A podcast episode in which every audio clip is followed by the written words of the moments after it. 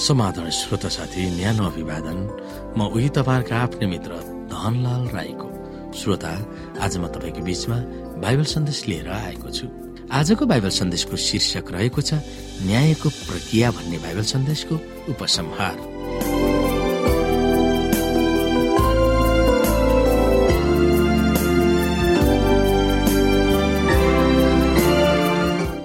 श्रोता साथी मुक्ति गुमाएको प्रत्येक व्यक्तिले सत्यलाई बहिष्कार गरेकोले आफ्नो गति त्यो अवस्थामा पुगेको हो भनेर अन्तिम न्यायको दिनमा बुझ्नेछ। तिनीहरूको सामु क्रुसलाई प्रस्तुत गरिनेछ प्रत्येक मानिसले क्रुसको महत्व थाहा पाए तापनि परमेश्वरको आज्ञालाई भङ्ग गरेर जान जाने हेर्दा उसको दिमागलाई अन्धकार पारेको उसले महसुस गर्नेछ। क्रुसमा झुन्डिएको यशुको क्रुसको समीपमा पापीहरू दोषी ठहरिएर उभिनेछन्। प्रत्येक झुट बहाना बढारिनेछ परमेश्वरको बाटोमा नहिँड्दा मानिस भ्रष्ट भएर घोर कठोर जगन्य भएर घिट हुनु पुगेको कुरा भ्रष्ट मानिसले हेर्न पाउनेछ आफ्नै निर्णयले कहाँ पुर्याए भनेर मानिसहरूले देख्नेछन् लामो समयसम्म चर्चा भएको प्रत्येक सत्य र गलत तर्क र विवादहरू सदाको निम्ति स्पष्ट हुनेछ खराब तत्वको अस्तित्व र त्यसको निरन्तरता दिने परमेश्वर नै हुनुहुन्छ भन्ने आरोपलाई जगतको न्यायमा उहाँले सफाई पाउनुहुनेछ। परमेश्वरका आज्ञा वा निर्देशनहरूले पाप निम्त्याएको होइन भनेर सारा जगतको सामु प्रस्तुत गरिनेछ परमेश्वरको शासनमा कुनै कसुर थिएन र त्यसप्रति नाराज हुने कुनै पनि कारण पनि थिएन। जब सबैका हृदयका सोचहरू प्रकट गरिनेछ तब परमेश्वरप्रति वफादार हुने र उहाँको विद्रोह गर्ने सबै एकसुर भएर घोषणा गर्नेछ। हे परमप्रभु परमेश्वर सर्वशक्तिमान तपाईँका कार्यहरू महान छन् र आश्चर्यपूर्ण छन्। युग युगका महाराजा तपाईँका मार्ग धार्मिक र सत्य छन्। हे परमप्रभु तपाईँको डर कसले मान्दैन र तपाईँका नाउँको महिमा कसले गर्दैन र? किनकि तपाईँ मात्र पवित्र हुनुहुन्छ।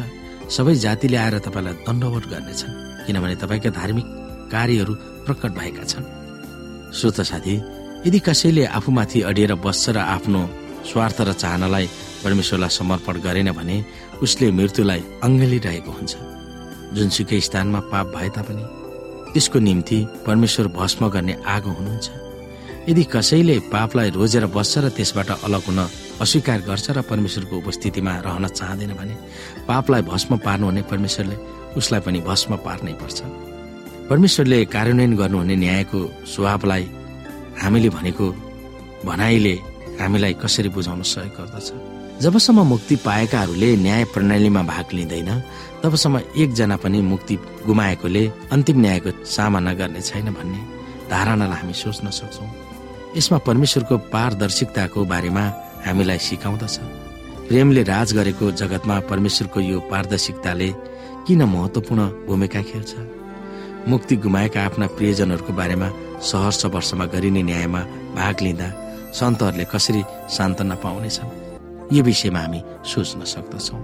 श्रोत साथी जबसम्म हामीमा त्यो धारणा उत्पन्न हुनेछ परमेश्वरले हामीलाई त्यो धारणा हाम्रो बीचमा दिनुहुनेछ। जबसम्म हामीले गुमाएका मानिसहरू जसले परमेश्वरलाई विश्वास गरेनन् तिनीहरूको विषयमा हामीले त्यतिखेर चिन्ता गर्नुपर्ने छैन। स्वर्गमा सबैजना बराबरी हुनेछन्। को आफ्नो को बिरानो को आफ्नो छोरा को आफ्नो छोरी को अर्काको छोरा को अर्काको छोरी। सबै सम्मान हुनेछन्। ज जसले उहाँलाई विश्वास गरे ज जसले उहाँको महिमालाई विचार गरे तिनीहरू अनन्त जीवनमा प्रवेश गर्नेछ र उनीहरूले स्वर्गमा राज्य गर्नेछन् जसले परमेश्वरप्रति वफादार हुन्छन् र जसले उहाँको विद्रोह गरेनन्। उनीहरू सर्वशक्तिमान परमेश्वरको महिमामा युग युगसम्म राज्य गर्नेछन्। जसले यी सबै कुरा जानेर बुझेर पनि परमेश्वरलाई महिमा दिँदैन जसले संसारका थोकहरूमा विश्वास गर्छन् शैतानको भनाइहरूमा चल्छन् र सैतानिक हरकतहरू गर्छन् उनीहरू सदाकालको निम्ति अन्त हुनेछन्। चाहे त्यो हाम्रो मान्छे होस् त्यो चाहे पराई मान्छे होस्। यी विषयमा हामीलाई यी बाइबलले सिकाउँदछ। मुक्ति गुमाएका हाम्रा प्रियजनहरूको पनि त्यतिखेर हामीलाई सम्झना हुने छैन। यदि हुँदो हो त हामी स्वर्गमा कसरी आनन्द लिन सक्थ्यौँ? ज जसले संसारमा रहँदा उहाँलाई आफ्नो मुक्तिदाता भनेर विश्वास गरे उनीहरू स्वर्गमा हुनेछन्। तब त्यहाँ रमाएर बस्नेछन् र संसारमा भए गरेका कुनै पनि कुराको त्यहाँ सम्झना लेखाजोखा हुने छैन भनेर बाइबलले हामीलाई भन्दछ। यी कुराहरूमा हामीले विश्वास गर्नुपर्दछ।